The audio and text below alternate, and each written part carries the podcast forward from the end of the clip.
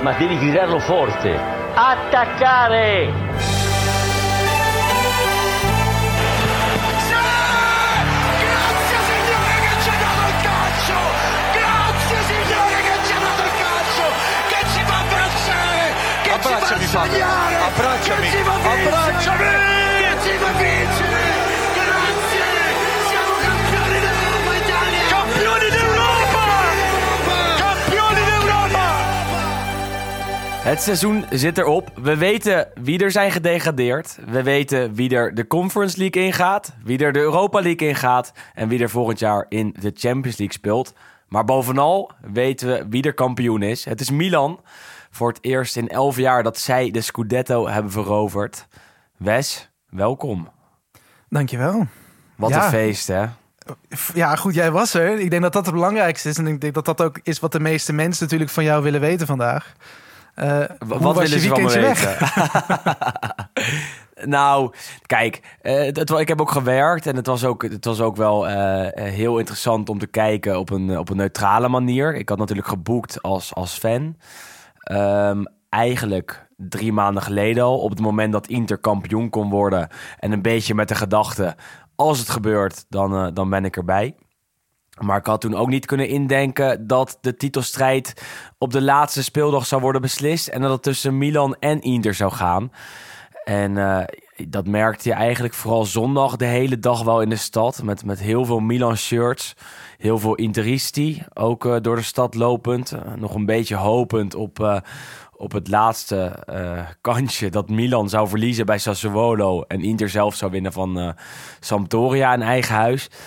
En ja, ik, denk dat, dat, dat, dat wij vanaf een uur of 11, 12 in de stad waren. En dat ik echt gigantisch veel voetbalshirts heb gezien. Gigantisch veel shirts. eh, gigantisch veel sfeer ook daarnaast. En vooral op het Domplein. eh, op het Piazza Duomo, waar we om een uur of twee kwamen aanlopen. En er aan de ene kant een Milanisti stonden, aan de andere kant Interisti. En ja, die stonden gewoon naar elkaar toe te zingen. Ehm, en dat niet op een agressieve manier, maar op een, op een, op een sportieve eh, wijze. Ja, dat is ook wel het mooie, denk ik, van sowieso. Toch? Ja. We hebben dat natuurlijk vaker gezegd, ook rondom de derby natuurlijk. Dat het wel een van de chicere derbies is. Dat inderdaad weinig ja, echt ruzies. En het is natuurlijk een, eh, ja, een wat chicere rivaliteit, om het zo te zeggen. Het is wel mooi dat dat nu een soort tot culminatie komt, ook natuurlijk in die titelstrijd. Dat was ook En de echt beelden zo. die je had gemaakt, want ze kwamen natuurlijk ook bij Ziggo Sport, geloof ik, voorbij. Ja. Ja, dat is, dat is, dat is prachtig om te zien. Nee, dat, dat was het ook. En, en, en dan zie je dat gebeuren op, het, op dat plein. En dan denk je ook, ja, eh, dit is wel hoe de sportrivaliteit hoort te zijn, wat mij betreft. Natuurlijk is het ook wel mooi als het af en toe een beetje over het randje gaat. En dat zal gisteren ook zeker zijn gebeurd. Eh, hè, dat maakt toch dat, dat, dat rouwen eh, van het voetbal soms ook een beetje mooi. Maar ik vind het ook prachtig dat, dat fans die daar niks mee te maken willen hebben... gewoon door elkaar heen kunnen lopen op zo'n dag dat het in Milaan wordt beslist. En het was, het was echt zo spannend. eh, tenminste, het, het gevoel dat het heel spannend kon gaan worden... was er de hele dag. Met, met zoveel supporters op de been. en met zoveel potentiële strijd. Alleen, eh, die strijd kwam er niet. Want ja, ik ging dus naar, naar Inter Sampdoria... En eh, het Interpubliek is sowieso altijd een beetje cynisch. Dus het was altijd het was al een beetje afwachtend. Een paar mensen met een eh Sassuolo-shirt aan, die werden toegejuicht. Want ja, Sassuolo moest winnen van Milan om, eh, om Inter een kans te geven kampioen te worden. Eh, er kwam ook op een gegeven moment iemand in beeld met een Sassuolo-shirt op de, op de stadionschermen.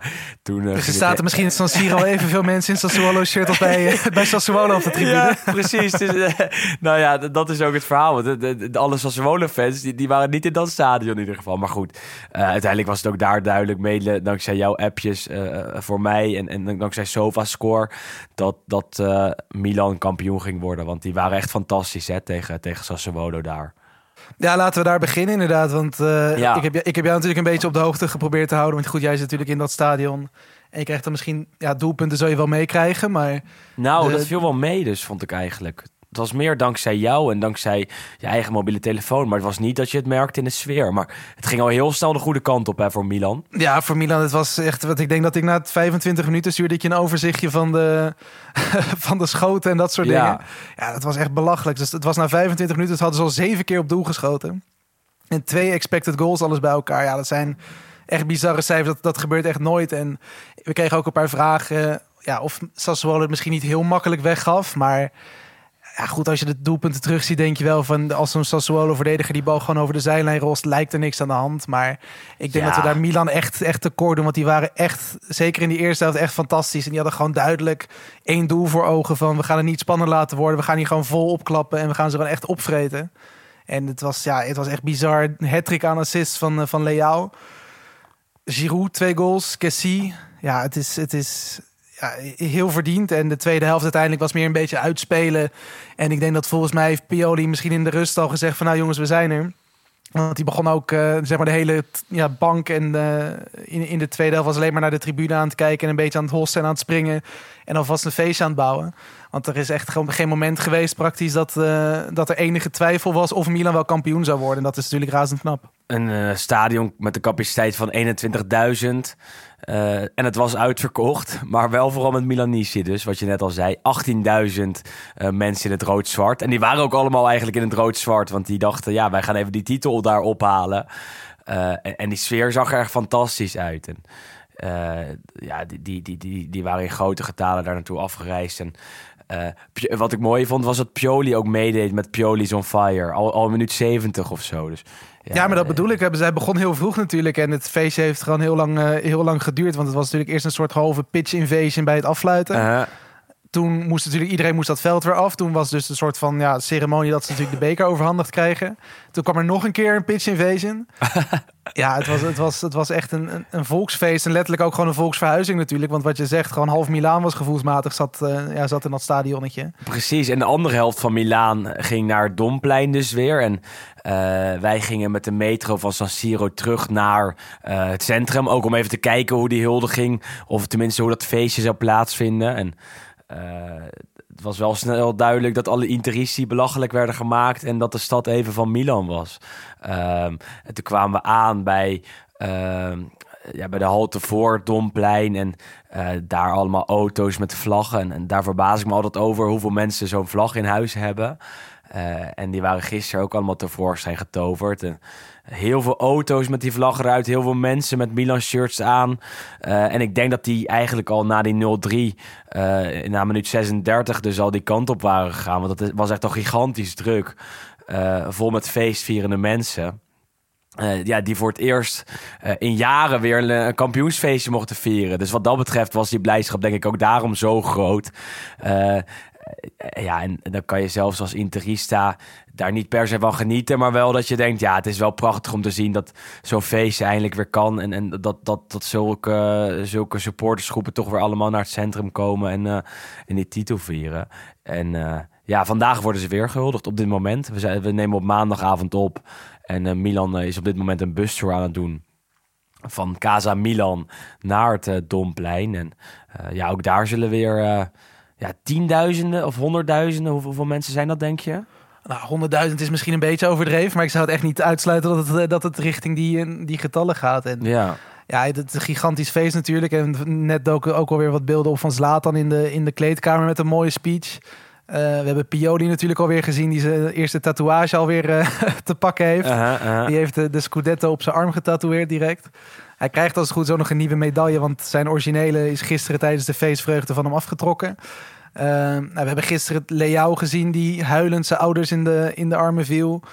Eh, ja, Giroud, tong uit de bek, gigantisch feest. Het is, het is natuurlijk echt een... En dat, Theo en Diaz, ook allebei samen met een muziekbox. dansen met boksen. Ja.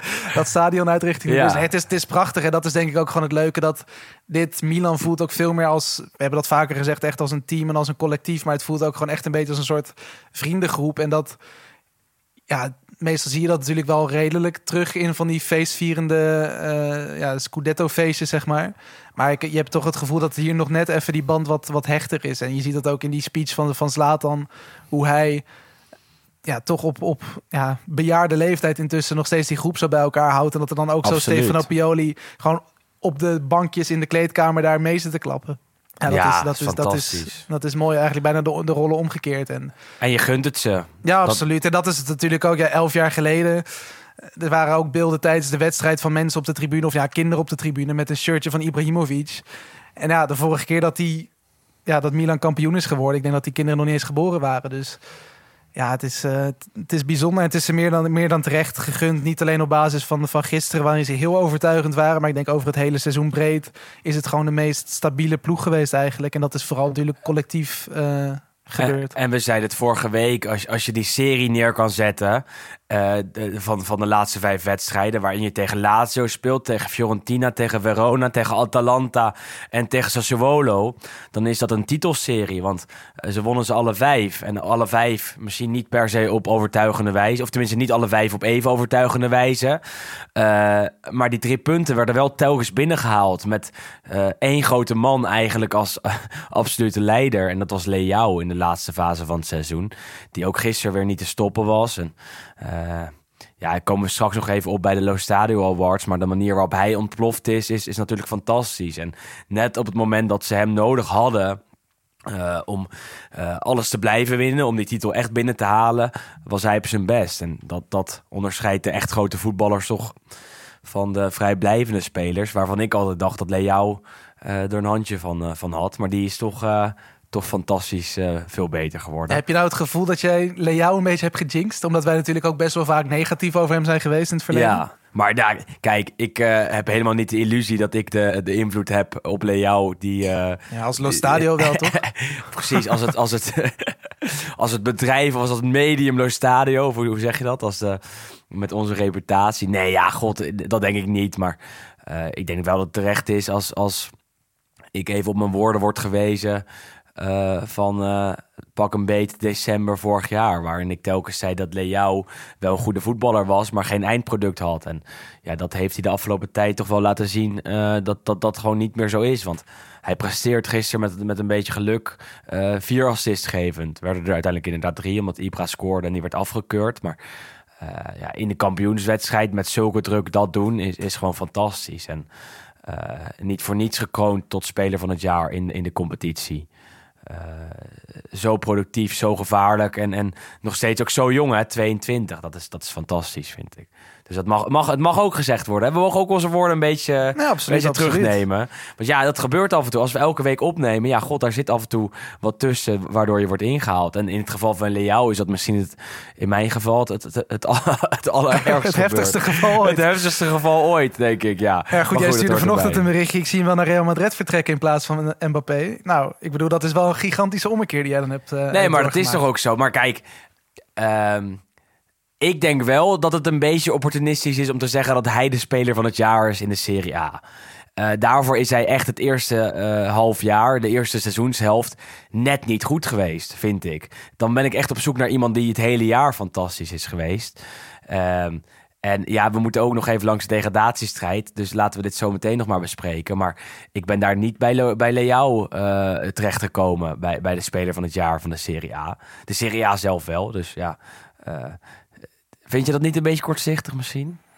Mwah, ik denk, ja goed, wat mij betreft, ik denk, kijk, ik denk sowieso, want dat is natuurlijk ook wel de reden waarom ze hebben gewacht, want ze hebben natuurlijk de keeper, eh, de verdediger, middenvelder, aanvaller hebben ze natuurlijk al voor de laatste speelronde uitgereikt Op donderdag al, ja. op donderdag. Dus het zegt denk ik ook wel wat dat zij vanuit de Serie A ook wilden wachten eh, met trainer en speler van het jaar. Want ik denk als Inter uiteindelijk kampioen was geworden, Dan was denk Perisic iets geweest. dan denk ik of Perisic of Brozovic als speler van het jaar. Eh, en dan met misschien zelfs Inzaghi als trainer van het jaar. Ja. Natuurlijk ook Supercoppa en de Coppa gewonnen. Ehm, dus ik denk dat het ook bij hen wel ja, afhankelijk is geweest van de kampioen. Maar ik denk dat het groot ja, terecht is dat de kampioen ook de beste speler van de competitie levert. Ehm, Dat denk ik ook. Dus ja, en ik denk bij Milan, eh, dan is het natuurlijk wel Leao ook zeker als je kijkt naar wat hij, hoeveel punten hij ze uiteindelijk heeft bezorgd Nee, dan dat denk ik wel waar. dat het op basis daarvan is het terecht. Maar ja, ik denk dat het gewoon heel erg afhankelijk is van de kampioen. Want ik had inderdaad Brozovic of Perisic als speler van het jaar... had ik ook eh, ja, volkomen begrepen. Maar goed, hè? Gebeurde niet. Nee, zo is het. scoorde wel, dus hij heeft wel een goede, goed weekend gehad. Uiteindelijk toch nog. Nou ja, deels inderdaad. Bij, bij Inter was de sfeer wel, eh, wel oké. omdat ze natuurlijk ook de Coppa Italia en de Supercoppa hadden gewonnen. Ehm, eh, maar ja, ze wilden, we wilden, ze, ja, Inter wilde. Ik ga geen we zeggen bij Inter. Toch de, toch de, de, de landstitel. En dat, dat gebeurde niet. En eh, dat- dat is dan toch een kleine. ehm, klein zwart randje in, de, de, in, de, de, de, in het seizoen van Inter, denk ik. Maar het gaat om Milan vandaag. Het gaat om Milan. Ik bedoel, ik bedoel dat is toch fantastisch dat ze met deze selectie kampioen zijn geworden. Eh, en dan kijken we even naar de degradatiestrijd, Wes. Want daar is het wonder echt geschied. Is het een groter wonder dat Salernitana zich heeft gehandhaafd? Of een groter wonder dat Milan kampioen is geworden? Ja, ik denk uiteindelijk misschien toch zelfs Salernitana dat dat Ja. nog wel nog knapper is. Want natuurlijk gewoon de laatste week al een klein beetje naartoe geleefd. Eh, omdat ja, de kans was opeens aanwezig dat het zou lukken. Maar als je inderdaad ziet op welk moment eh, Nicola in, in februari is ingestapt, staat, stonden ze op 13 punten. Eh, volgens mij meer dan 8, of precies 8 of meer dan 8 achter op de, op de veilige plekken. En dat, daar is uiteindelijk gewoon een paar, nou, wat is het, drie maanden later, eh, op de laatste speeldag, ondanks een 4-0 nederlaag in eigen huis. Dat maakt het ook nog wel extra, Ja, extra heftig. Eh, ja, je, je handhaaft voor de eerste keer in de geschiedenis. Want ze hebben al wel een paar keer in de Serie A gespeeld. En toen iedere keer na één seizoen gelijk weer eh, gedegradeerd. En ja, het is ook ja, wat ik zeg, ook de manier waarop. Gewoon je weet dat je eigenlijk met een gelijk spel in eigen huis ben je zo goed als veilig. Mhm. En je staat gewoon binnen nou, no time sta je met 3-0 achter. Tegen Udinese ook. Tegen en niet- Niet, Udinese. tegen een topteam per, per se. Nou ja, ja het, het, is- bizar. En ja, tegelijkertijd Venetia Cagliari bezig. Eh, iedereen in Salerno natuurlijk op de telefoontjes en met oortjes, eh, oortjes in om te kijken of daar niet gescoord is. Want de enige manier waarop Cagliari nog erin kon blijven bij die stand van 4-0 bij, eh, bij Salernitana was als ze zouden winnen.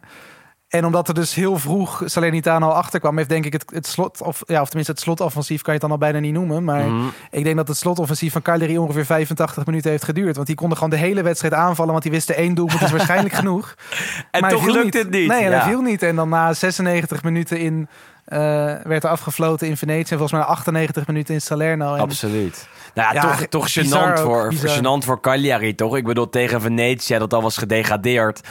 eh, en dus was uitgespeeld, moet je dan nog kunnen winnen. Als je die status in de Serie A wil verdienen. En dat, dat lukte dus gewoon echt niet. Daar heb ik nog wel een stuk van gezien. En, en toen dacht ik alsnog, ja jongens, het is gewoon niet goed genoeg. Het is wel het, het seizoen waarin wanbeleid is afgestraft. Genoa en Cagliari de afgelopen jaren toch wel slecht beleid gevoerd. Slecht, ja, verkeerde spelers gekozen, verkeerde spelers gehaald. Verkeerde beslissingen gemaakt. En dat is dan nu eindelijk een keer afgestraft. Ehm, waarbij het wonder van Salernitana dus eh, rond is gemaakt. Helemaal is doorgezet. We hoopten er al een beetje op. Ik denk dat we er twee maanden geleden voor het, laatste, voor het eerst over spraken. En eh, toen zei de trainer Nicola ook... ja, als we eh, ons handhaven... dan maak ik wel weer een mooie deal. Toen met Crotone natuurlijk gefietst. Van Crotone naar Turijn. Dit keer zei hij... dan loop ik vanaf ons stadion... vanaf het stadion Areki naar de paus... Dat gaat hij doen. flinke wandel toch? 58 uur. Ja, ik denk dat er, eh, dat er onderweg ook best wel wat mensen mee zullen gaan en zullen aan, ja, aan zullen moedigen. Maar Bedevaarts Ja, toch? Het is, het is ja, dat, die man die moet, die moet toch gewoon een, een, een standbeeld krijgen. Ja, zo simpel Ja. is het toch? Ik bedoel, Maar- dit, maar dit waar is wel echt de, de grootste Houdini-act die je kunt bedenken. En hij heeft dit al een keer gedaan. Want hij heeft dit gewoon, wat is het, vijf jaar terug met Crotone in 2016, 17 heeft hij eigenlijk exact hetzelfde gedaan. Het is, mhm.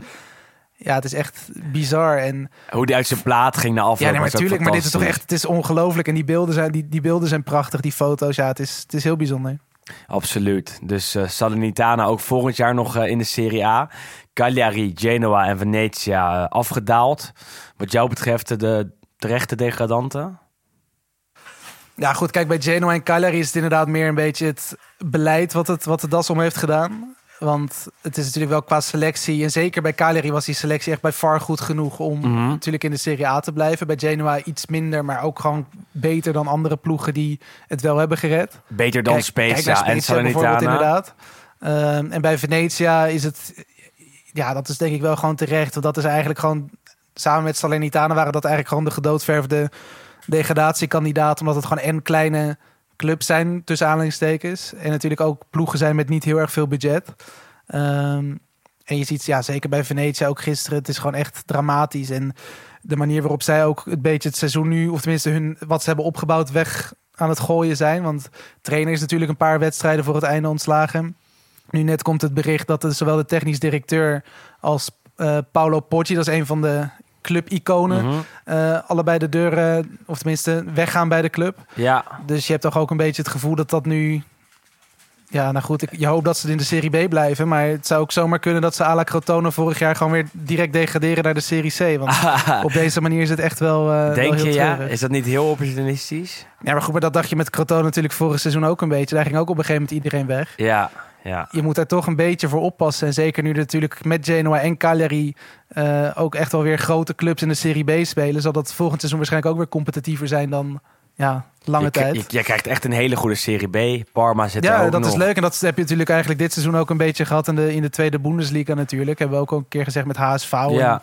En, eh, wat heb je daar nog meer allemaal? Werder Bremen, Schalke. Ja goed, dat krijg je idee in iets mindere mate krijg je nu natuurlijk ook in de Serie B. En dat maakt het in die zin ook wel, eh, wel heel leuk. Maar ik denk inderdaad voor Venetië wordt het heel lastig. En voor Cagliari en Genoa hoop je dat het... En dat is denk ik de enige redding eh, als zij gewoon binnen één of twee seizoenen weer terugkeren. Want anders dan kan het zomer zijn dat ze echt heel lang op het tweede niveau eh, actief blijven. En er zijn nogal wat interessante spelers op te halen. Vooral bij Cagliari, denk ik. Met keeper Canio, met Nandes, met João Pedro. Ook wel echt benieuwd waar die volgend jaar spelen. Want kan me niet voorstellen dat, dat die in de, in de Serie B eh, gaan spelen voor een heel seizoen. João Pedro notabene net zijn uh, interlanddebuut gemaakt. Dat smaakt naar meer. en hij gaat niet meer worden opgeroepen als hij in de Serie B speelt, denk ik eerlijk gezegd. Uh, ook op Europees gebied viel de beslissing. Roma won vrijdagavond al van Torino met 0-3. Veel meer over de Giallorossi in onze special in de aanloop naar de Conference League finale van woensdag. Uh, Lazio was al gekwalificeerd voor de Europa League. Uh, dus zij gaan samen met de stadgenoot dit dat toernooi in. Om de zevende plek was nog wel iets spannender. Want zaterdagavond stonden Fiorentina, Juve en Atalanta Empoli op het programma. Uh, Atalanta moest een beter resultaat dan Fiorentina neerzetten om uh, het toernooi in te gaan. Om uh, toch die Conference League volronde te mogen spelen. Dat lukte niet, want Atalanta zelf verloor van Empoli. En Fiorentina won van jouw Juve, Wes.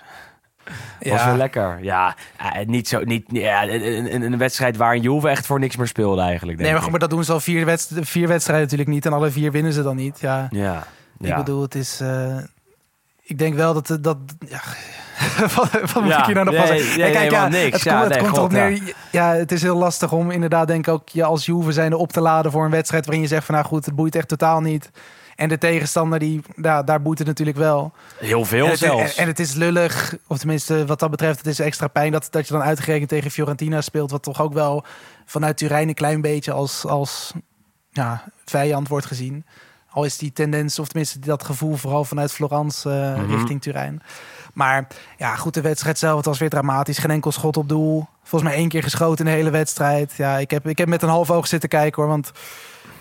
Ja, Ook andere dingen te doen op zaterdag blijkbaar. ja, nee, maar goed, hier, je kijkt het hele seizoen en jij hebt volgens mij eh Juve of in ieder geval Allegri een beetje als flop van het seizoen ook, ja, eh, ook straks. Ja, Ja, ja. Goed, ik word er inderdaad ook niet echt meer warm van op deze manier. En, Maar des eh, te mooier voor Fiorentina, toch? Ik ja, nee, bedoel, absoluut. Want ik, uiteindelijk draait het daarom. En ik denk dat het heel knap is wat zij natuurlijk sowieso hebben gedaan. Ik denk bij geen van de ploegen in Italië is denk ik de, het, het puntenverschil tussen vorig jaar en dit jaar groter geweest. En dat is natuurlijk ook echt volledig te danken aan Vincenzo Italiano. Die wel nog steeds nu een beetje, of tenminste, het is nog echt niet zeker dat hij blijft. Ehm, Waarom we- twijfelt hij? Komen we straks misschien ook nog op. Ja. Maar er gaan heel veel trainerswisselingen plaatsvinden. Er zijn er zelfs al een paar. Ehm, ja, het is, het is bijzonder. En in het geval van, ja, van Italianen kan ik alleen bedenken dat je nu Fiorentina zou verlaten als je echt nog eh, een stap omhoog kan zetten binnen Italië.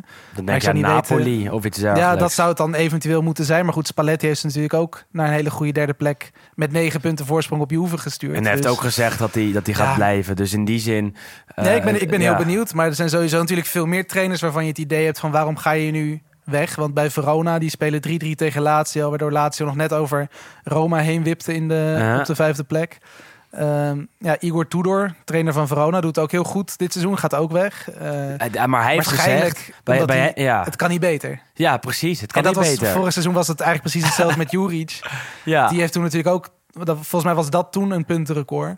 Eh, of tenminste bijna een puntenrecord. En toen heeft Juric heeft ook gezegd van nou jongens, ik ga er vandoor, want beter dan dit kan ik het niet doen. En Tudor zit een beetje op dezelfde, ja, op dezelfde positie. Volgens mij Eh, hebben ze nu het puntenrecord en vorig jaar niet of iets dergelijks. In Ja, ieder geval zoiets, komen ze telkens in de buurt en denken alle trainers beter dan dit wordt het niet. Want ja, er wordt daar ook niet heel veel geïnvesteerd. Eh, en, en die mannen voorin, Caprari, Simeone en Barak, eh, gaan allemaal om, om verschillende redenen weg waarschijnlijk. Eh Simeone wordt gehuurd, eh, Caprari idem dito en Barak is niet meer te behouden denk ik.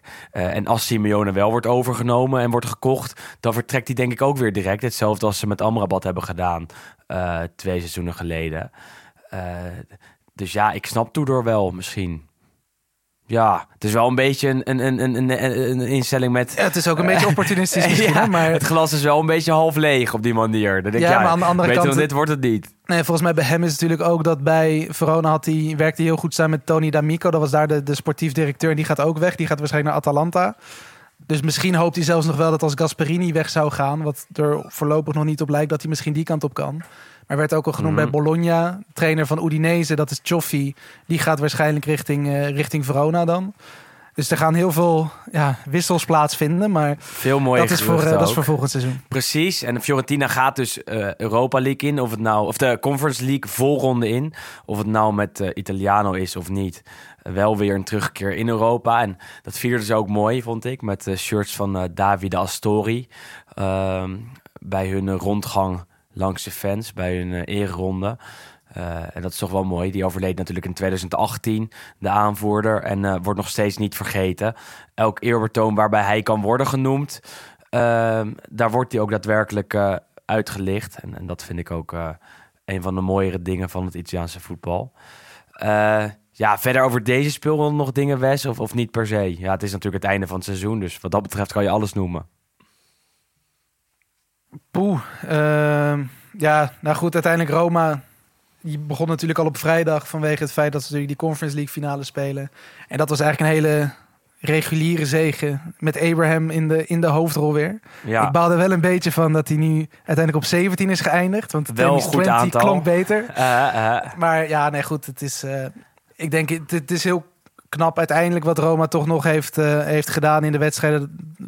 Ja, tenminste, hebben natuurlijk een slechte reeks gehad. Maar nu op het allerlaatste moment dan toch weer in ieder geval de, het Europees voetbal veiliggesteld. En uiteindelijk draait het daar, draait het daar dit seizoen om.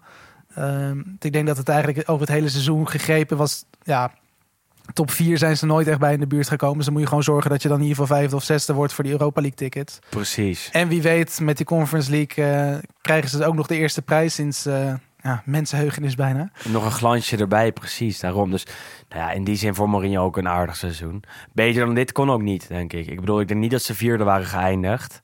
Misschien vijfde, maar ja, dat maakt het verschil niet, denk ik. En zeker als ze de Conference League winnen, toch een aardig seizoen ook voor Roma. Ehm, ja, ik denk dat het tijd is voor de Lo Stadio Awards, Wes. Ja, laten we maar weer doen, hè? Traditioneel na de laatste speelronde kijken we terug. eh, blikken we terug op het seizoen aan, naar... Jeetje, ik moet er nog even inkomen vandaag. Nog een beetje moe van Milaan. Nee, En wanneer, eh, ben- wanneer ben je teruggekomen? ja, ik ben net eh, twee uur terug of Ja, zo. dat bedoel ik. Je hebt gewoon nog in een vliegtuig gezeten vandaag. Ik snap, Anderhalf het, uur, ik snap het volledig. ander- anderhalf uur vertraging met EasyJet. Dat was ook niet lekker. Zit je bijna man. bij elkaar op schoot. Maken ze en bekend dan duurt dat het ook nog eens lang. duurt het ook nog eens lang. Nou ja, eh, mondkap nog op naar eh, Italië en ook op de weg terug. Dus eh, ja, het waren weer dingetjes waar ik niet zo aan gewend was. Dus maar dat goed, betreft je- veel prikkels, Wes. Doe, doe, doe maar rustig aan, jongen. En dan nemen we ook nog eens vandaag twee podcasts op. het is niet Ongelooflijk. normaal. Maar de Lo Stadio Awards, die eh, zijn natuurlijk onze ja, gids eigenlijk om terug te blikken op het seizoen. We hebben mooie categorieën, van beste trainer tot beste speler, tot mooiste wedstrijd, mooiste goal, mooiste flop. Of de mooiste flop, de grootste flop. En we hebben jullie ook gevraagd om mee te doen. Dus eh, ja, we gaan er eh, mee beginnen, denk ik. Juriaan van Wessem komt ook nog langs met zijn column natuurlijk, waarin hij uitlicht voor wie die heeft gekozen en waarom. Maar ik stel voor dat we beginnen bij de beste speler, want dat kwam net al eventjes langs. Voor jou is het Leao, hè? Ja, voor mij is het Leo. Ik ga voor het eerst in, in lange tijd ga ik mee met. eh nou ja, ik, moet- ik moet zeggen, de, de awards die door de Serie A worden uitgedeeld, die MVP awards, doen ze natuurlijk ook nog niet zo heel lang. Maar ik denk wel dat ze relatief vaak in de goede richting zitten. Ik denk alleen vorig seizoen was volgens mij Romero verdediger van het jaar. Dat was Mhm. misschien ook wel iets opportunistisch. Beetje maar gekkig, ja. over het algemeen is het daar best wel, eh, gaat het daar best wel goed. En wat ik, ja, ik heb het net uitgelegd. Voor mij is Rafael Leao echt wel de, niet alleen de revelatie, maar ook gewoon ja, qua ontwikkeling. En hij is zo belangrijk geweest. En het is ook gewoon een, een heel mooi figuur. Want als je hem ziet dribbelen, dan dribbelt hij altijd met een glimlach. Mhm. Dan scoort hij en dan heeft hij een uitgestreken smoel. En gisteren wordt hij kampioen en dan barst hij in tranen uit. Dus die heeft zijn emoties nog niet helemaal De omgekeerde wereld. het is een beetje omgekeerd allemaal. En, nee, maar het is, het is fantastisch. En wat, wat, wat jij zegt, het kan zomaar dat hij nu deze zomer een, eh, ja, een gigantische transfer gaat maken. Want op basis hiervan, eh ja, zijn prijskaartje is misschien wel verdrievoudigd. Dus ik kan me ook voorstellen dat Milan misschien nu wel zegt van nou, Rafa, als, eh, als er iemand, eh, ik weet niet wat zijn Zich clausule is, is volgens mij 150. Dat zullen ze, niet, dat zullen ze misschien niet gaan betalen. Maar Vind ik ik wel kan heel me voorstellen veel, als, er een, als er een hoog bod komt, dat ze toch wel gaan, eh, gaan overwegen hoor. Hoeveel is hij waard, denk je? Pff, nou, in dit milieu zou toch wel richting de tussen de 60 en 70. Zoiets, hè? dat denk ik ook. Misschien wel Ja. iets meer nog zelfs. Het is een uniek, een uniek soort De speler. kampioenspremie zit erop nog, hè? Ja, nou ja, dat. En hij is natuurlijk wel eh, fantastisch in de actie. En als hij dat gaat combineren met doelpunten en assists, heb je er gewoon niet zoveel rondlopen die dat ook kunnen. Eh, ik vind het geen Mbappé, maar dat is wel een speler die dat ook kan combineren. Kan je Mbappé niet halen als club, ja, dan kom je al eh, snel bij eh Leao uit, denk ik eerlijk gezegd. Die dat allemaal kan, die het tempo van het eh, moderne voetbal aan kan. En die ook steeds meer ervaring heeft. En wat dat betreft enorm interessant om te kijken of Milan dat gaat volhouden. Milan natu- natuurlijk ook op het punt om misschien over te worden genomen of niet. En dat zal natuurlijk ook wel zijn effect hebben op, op wie ze gaan verkopen en of ze gaan verkopen überhaupt. Eh, voorlopig nog weinig geruchten rondom Leao. Ja, het valt gelukkig nog mee. Gelukkig. maar goed, en jij bent ja, ja, nee, goed, ja, het, liefst natuurlijk gewoon de beste spelers zie je natuurlijk gewoon blijven. Nee, maar exact. Want vorig jaar gingen de beste spelers weg van de Serie A. En, en dat, dat is toch jammer voor de competitie. Dus wat dat betreft is het hartstikke hard te hopen dat eh zo'n Leao, die nu zeker de beste speler aan het worden is. eh, voor mij dat dus nog niet is. Maar eh, dat, dat hij blij, behouden blijft. En dat hij de Serie A naar een hoger niveau tilt. En eh, ik ben wel voor iemand anders eh, gegaan. Zeg het maar. Wel van Milan. wel voor, van Milan. Ik ben voor Oluwafika-Yomi Olawu Milola eh, Tomori gegaan. Alias Fikayo Tomori. Ik vind, ik vind, het, ik vind het redelijk... eh, Was een, goede, redelijk was een goede poging, toch? Nou, Nou, ik vond eh, Tomori fantastisch dit jaar. Ehm, ik heb geen enkele wedstrijd gezien waarin hij moeite heeft gehad met het uitschakelen van zijn mannetje. Eh, hij was altijd geconcentreerd, altijd voetballend goed en eh, altijd hartstikke betrouwbaar. En daar ben je als Milan eh, naar op zoek, denk ik. Op het moment dat je je elftal weer aan het heropbouwen bent. En met Tomori hebben ze die gevonden. Die eerst gehuurd natuurlijk van Chelsea. Daarna voor een heel flink bedrag overgenomen. Voor 28 miljoen. Maar hij heeft die prijs echt volledig waargemaakt wat mij betreft. Altijd eh, een van de beste Milanisti op het veld. En eh, daarom kies ik voor hem eh, meer dan voor Leao. Omdat ik bij Leao wat meer het gevoel heb dat hij pas later in het seizoen heel goed is geworden. Terwijl ik bij Tomori al direct wel dacht, dit is echt goed. En die is nog steeds veel beter aan het worden. Maar dit is al zeker het niveau wat Milan wil nastreven. En ja, dat zag je de afgelopen weken ook. En eigenlijk het afgelopen half jaar al, waarin hij ehm, het eh, koppel achterin vormde met Kalulu. Want eerst speelde hij dus met Kjær. Kjær is een kruisband afgescheurd. Dat maakte voor Tomorrow helemaal niks af. Want, eh, niks uit, want hij is elke keer eh, even goed geweest. En daarom kies ik voor hem. Misschien een beetje onorthodox hoor. nee, maar dat mag. Zeker voor. Itali na Italiaanse traditie om dan een verdediger uit te roepen tot de beste speler. Dat, dat, dat past helemaal. Nou, en ik denk dat de basis voor een kampioenschap vaak achterin wordt gelegd. Ehm, en dat is eh, dit jaar ook gewoon gebeurd. Ehm, Milan samen met Napoli het minste doelpunten tegengekregen. Eh, en dat, eh, dat is zeker mede te danken aan eh, Tomori. Dus, wat, je gaat toch niet betreft- vertellen dat jouw talent van het jaar straks ook een verdediger van Milan is? Zelf wel? Nou, wat bij, ja, ik maak het 1-2'tje. Sterker nog, ik maak eigenlijk het 1-3'tje zo meteen af, Wes. Want uh, nou, laten we eerst even naar... Uh, nou, we kunnen ook wel gewoon naar het uh, grootste talent gaan, Ja, wat mij maar. betreft direct. Want ik heb daar voor Kalulu gekozen. Nou, nou goed, en daar heb ik Ja, eigenlijk dus het tegenovergestelde argument wat jij nu hebt. Ja, Want ik heb ook bij Kalulu is natuurlijk halverwege het seizoen ingestapt. ja. Dus ik ben daar voor Tonali gegaan. Wat eigenlijk voor mij een beetje hetzelfde is met, eh, met qua ontwikkeling. Dat hij zich natuurlijk gigantisch heeft... eh, ja, Mhm. gewoon gigantisch gegroeid natuurlijk. dat hadden we toch niet verwacht een jaar geleden? Nee, nee, absoluut niet. Nee, want het vorige seizoen leek het toch een beetje een soort verloren transfer. En dat hij toch een beetje te vroeg misschien in het diepe was gegooid. Hij moest salaris inleveren om door Milan definitief te worden overgenomen. Ja, dat zegt denk ik genoeg. Maar dit seizoen heeft hij zich echt... eh, ja, iedere euro is hij waard geweest. En ja, ik ben dus voor het talent van het jaar voor, eh, voor Tonali gegaan. Ook weer allebei een, een eh, Milanista gekozen. Ja, maar daar doe je toch bijna niks aan. Nee, nee, ja, dat is wat zo, wat ja. ik zeg, de kampioen, uiteindelijk is dat over het algemeen de hofleverancier. Want anders dan is het een heel gek, heel gek seizoen geweest. En niet voor niets de beste. Ehm, en vind jij dan Tonali meer een Pirlo tegenwoordig of meer een Gattuso? Want dat is natuurlijk de discussie ook een klein beetje. Nou, ik weet, het is een soort eh, hybride misschien. Want hij is Ja. natuurlijk verdedigend, is hij iets minder agressief natuurlijk dan Gattuso. Hij is voetballend wel iets minder technisch nog dan Pirlo. Mhm, Maar, en hij begint nu natuurlijk te scoren. En dat hebben Pirlo en Gattuso in ieder geval het open spel niet over het algemeen Is niet heel zo. erg vaak gedaan. Dus En het is inderdaad he- gewoon een beetje een combinatie tussen de twee. Een soort van Gattuso, Pirlo 2.0, hybride, robotachtig eh, heel erg multi-inzetbaar. En dat zag je ook eh, dit seizoen heel erg, vind ik. Want tegen Verona stond hij echt als eh, bijna als nummer 10 geposteerd. En in andere wedstrijden weer echt als breker voor, voor, voor het middenveld. Of op het middenveld net voor de verdediging. En eh, wat dat betreft wel echt interessant om te kijken hoe hij zich ontwikkelt. Want in principe kan hij alles.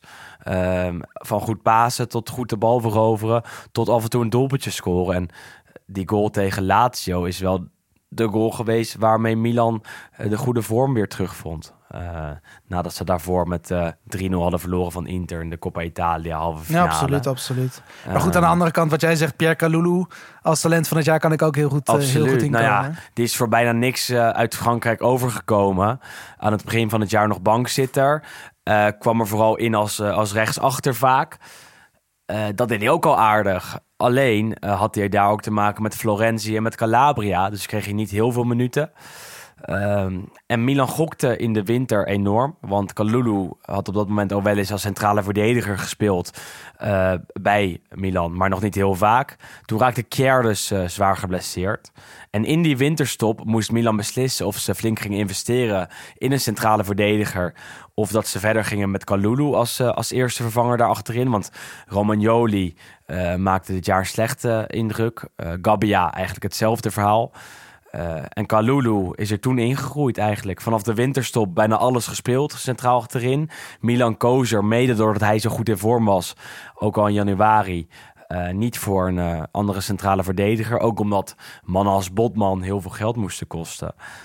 Maar het is heel goed dat ze hun portemonnee op zak hebben gehouden, denk ik. Want Kalulu was, was ehm, ja, zeker vanaf begin februari, eigenlijk ook al gewoon met januari erbij, echt heel goed en perfect complementair aan Tomori.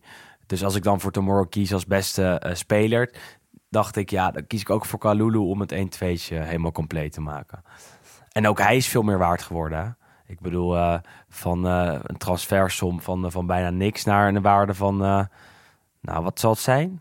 Ja, dat zal nu ook eh, richting de 30 gaan, minimaal toch? Zoiets, denk ik. Dus ja, wat dat betreft werkt die tactiek van Milan om eh, spelers redelijk goedkoop te halen en straks misschien voor veel geld door te verkopen en de waarde op het veld te laten vermeerderen, eh, werkt dat heel erg. En dat, dat zie je bij zulke soort namen ook terug. Want ook bij Tomori is die investering heel erg zich aan het terugbetalen. Ja, beste trainer hebben we dezelfde man, hè? Ja, nou goed. Ik denk dat je niet om Pioli heen kan. Ik heb wel eventueel, omdat jij... Goed, ik dacht, jij gaat sowieso voor Pioli. ja. Dus ik, ik heb achter de hand Oh nee, jij hebt hem helemaal niet. Nee, ja. Ik heb David en Nicola ook als... Ja, een beetje... Ja, weet je, het is maar net waar je op wil focussen. Vind je het inderdaad, zoals we zijn begonnen, heel knap... dat Milan kampioen is geworden. Dat denk ik wel. Dan krijgt Pioli hem. Maar aan de andere kant, ja... het standbeeld voor Nicola zou ook meer dan terecht zijn. Absoluut. Het is een andere categorie eigenlijk. Ik bedoel, Pioli... eh, Ja, Pioli in- in- zegt in- als trainer en manager. Ja, en Nicola is natuurlijk meer als, als redder in nood. En Als het is maar net inderdaad. Ja, maar het is maar net waar je meer, meer waarde aan hecht, denk ik. Maar ik, ik kan begrijpen dat ook hier in dit geval de Serie A de prijs heeft gegeven aan Pioli. Want uiteindelijk prijzen zijn belangrijker dan handhaven. Maar ja, Ja. Nou ja, kijk, met Salernitana ga je nooit de Scudetto pakken. En Nicola wordt nooit trainer van een Milan of van, van, van Inter of van Juve of van Napoli. Dus wat dat betreft is het een heel ander segment. En denk ik dat die prima naast elkaar kunnen, kunnen leven als, als trainers van het jaar. Ehm, ja, Pioli voor mij de man van het jaar, omdat Milan eh, voor het eerst in zoveel jaar weer die titel pakt. En omdat hij eh, in december 2019 nog bijna werd ontslagen. Toen ze met 5-0 verloren bij Atalanta. Dat misschien wel het dieptepunt was in eh, de, de afgelopen jaren van Benter-era van, eh, van Milan. Misschien niet het grootste dieptepunt, maar wel een van de grootste. En op dat moment leek erop dat Pioli moest, moest vertrekken. Dat Rangnick de nieuwe grote man bij Milan zou worden. Maar mede dankzij Maldini mocht hij aanblijven. En dat heeft zich echt dubbel en dwars uitbetaald. Want eh, kijk nu wie er een eh, Scudetto-tato op zijn arm heeft. Dat is Mr. Pioli himself. Dus ja, eh, ik kon niet om hem heen. Ook omdat ik hem in het verleden ook wel eh, heel erg kritisch heb benaderd, eerlijk gezegd. Maar hij is echt on fire. Ja, nee, maar het, het is heel knap. En wat je zegt, hoe anders zou de recente geschiedenis van Milan zijn geweest als ze daar misschien wel voor Rangnick waren gegaan? Want de kans was dan echt wel groot geweest dat ze niet geen kampioen waren geworden. Zo is het. En ja, Pioli was toch een, altijd een beetje een provinciale manager. Eh, nooit ergens fantastisch gedaan. Natuurlijk ook trainer geweest bij Lazio, bij Bologna, bij Fiorentina. Overal op zich wel oké begonnen. Hetzelfde bij Inter. Eh, maar altijd stortte het in. En bij eh, Milan is het toch aan het doorzetten. En hij heeft de kans echt fantastisch aangegrepen. Want eh, de, de kans dat hij daar lang blijft is steeds groter aan het worden, denk ik. Zeker als ze het zo blijven doen en als hij het beste uit zijn spelers blijft halen. En dat doet hij. Hetzelfde met Nicola dus, maar dan op een net iets ander niveau. Ehm, ja, we hebben ook nog de linies. Naast de Zeker, en daar hebben we volgens mij wel wat dingen hetzelfde. Hè? Ja, keeper kunnen we, ja, kunnen we echt niemand anders kiezen dan eh, weer iemand van Milan. Hè? Jeetje, het is wel heel Ja, rood-zwart het, zo. het, is ongelooflijk. Het is net alsof wij gewoon een soort van geïncorporeerd zijn door Sander misschien. Ja, wel, want, ja. eh, het is de grote Milan-show vandaag. Maar dat, dat kan ook niet anders. Want als je kijkt naar de keepers in de Serie A... eh, waren die dit seizoen allemaal niet zo heel goed. Eh, misschien wel op een lager niveau. Eh, ik bedoel, Vicario van Empoli was de afgelopen weken natuurlijk fantastisch. Canio van Cagliari ook wel vaak mooie reddingen in huis gehad. Ehm, maar als er een man is die echt heel veel punten voor zijn team heeft gepakt... altijd betrouwbaar was en zijn voorganger echt heeft doen vergeten... is, is deze man, hè? Ja, Mike Menja, ik denk niemand in, in Italië en zeker niemand in Milaan denkt überhaupt nog aan Donnarumma. Eh, ja, het, het, het is bijzonder. Hij heeft toen natuurlijk vorig seizoen met Lille, volgens mij hen voor het eerst in tien jaar kampioen gemaakt. Nu Mhm. Milan voor het eerst in elf jaar. En ja, wat jij zegt, hij is zo gigantisch betrouwbaar. Hij heeft één wedstrijd gehad tegen Salernitana uit, dat het even minder ging. Maar dat was ook letterlijk de enige wedstrijd. eh, ja, waarin hij een klein beetje onzekerder leek en een foutje maakte. Want eigenlijk de rest van het seizoen, hij is zo gigantisch. Hij straalt echt een rust uit waar je inderdaad, en dat heeft waarschijnlijk ook gevolgen voor de verdediging en uiteindelijk voor het resultaat en het kampioenschap. Dat gewoon die hele verdediging staat er gewoon zo stabiel en kalm en rustig. En je weet gewoon op het moment eigenlijk dat Milan de eerste goal maakt.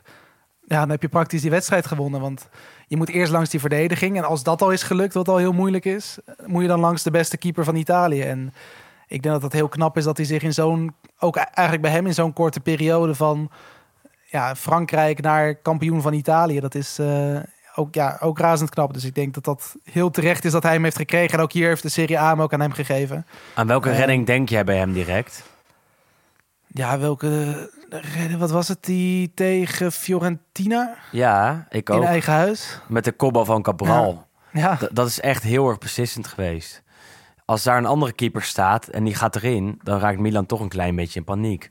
Menjal stond er, redde hem heel knap. Oké, hij kwam recht op hem af, maar de reflex was fantastisch. Dan, eh, ja, dan, dan verandert die wedstrijd gewoon. En even later maakt eh Leao de winnende. En eh, dan is het niet alleen Leao die die overwinning over de streep trekt, maar ook Menjal die, die fantastisch redt. En dat was eigenlijk ook zo tegen, tegen Inter in de sleutelduels. Want daar heeft Milan eigenlijk de titel ook gepakt. De eerste keer 1-1. Tweede duel, tweede derby. Eh, was eigenlijk matchpoint voor Inter. Tenminste, dat leek zo. Maar Menjan eh was eh, fantastisch.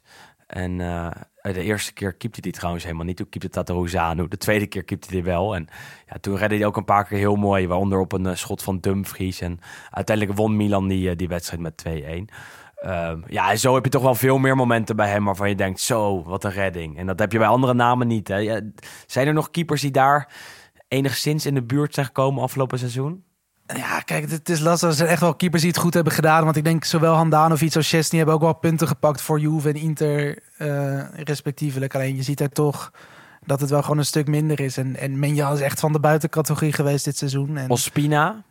ja, maar goed, ook dat. Het zijn gewoon niet echt. Die stralen ook niet echt de, de zekerheid meer uit. die ze misschien ooit wel een keer hebben, hebben uitgestraald. En ja, Menja is echt eh, op eenzame hoogte dit seizoen. Ja, eens. Eens.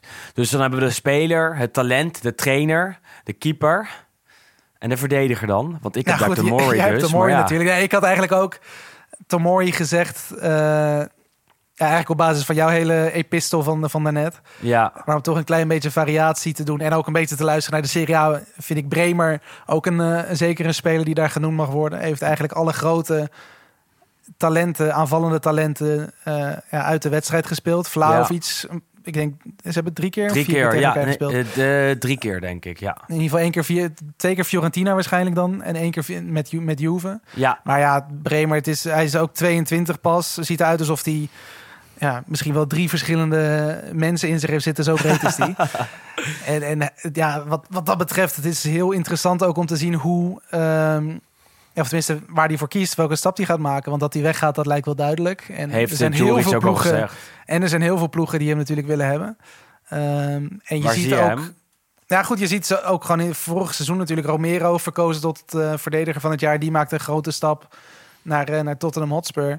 Nu Bremer, verdediger van het jaar, die zou ook inderdaad een grote transfer maken. En ja, de geruchten zijn natuurlijk vooral Inter geweest de afgelopen Ja, maanden. Ehm, maar de kans, Maar op de, de, de kans op de Super League lijkt steeds groter te worden. Dat ja, maar het, ja, in de Premier denk- League dus. Ik denk dat hij fysiek ja, absoluut sterk genoeg is om daar eh, het ook goed te doen. En ja, het, het is. Ja, ik, denk- ik denk bij uitstek is het natuurlijk een, een, een Premier League verdediger wat dat betreft. Maar ook hier hoop je natuurlijk dat die gasten gewoon lekker in Italië blijven. Nee, maar eh, Wes, we moeten dus het helemaal niet naar de geld- uitgang nee, praten. maar als het grote geld aanklopt, dan eh, ja. Nee, precies, uit Kansloos. Super League. Nee, zo is het. Want uit, als stel er geeft iemand straks eh 70 miljoen aan To- Torino voor Bremer of 60 miljoen, is dat helemaal niet zo'n heel gek bedrag, denk ik. En op dit moment hebben we het over 30 miljoen, wat een club als Inter nog net kan betalen. Maar stel dat wordt dan een stuk meer, ja, dan, dan kom je al alleen bij de Premier League teams terecht en niet bij eh, clubs uit Italië die hem mogelijk willen overnemen. Eh, maar ja, hij gaat dus sowieso een stap zetten. Is niet meer houdbaar, voor eh, Torino. Dat heeft Torino-trainer Juric ook al gezegd. Dus ook hij zeker een speler om in de gaten te houden de komende maanden, de komende transfermaanden. Ehm, laten we even naar de column van Juriaan van Wessem gaan, want die heeft voor ons ook...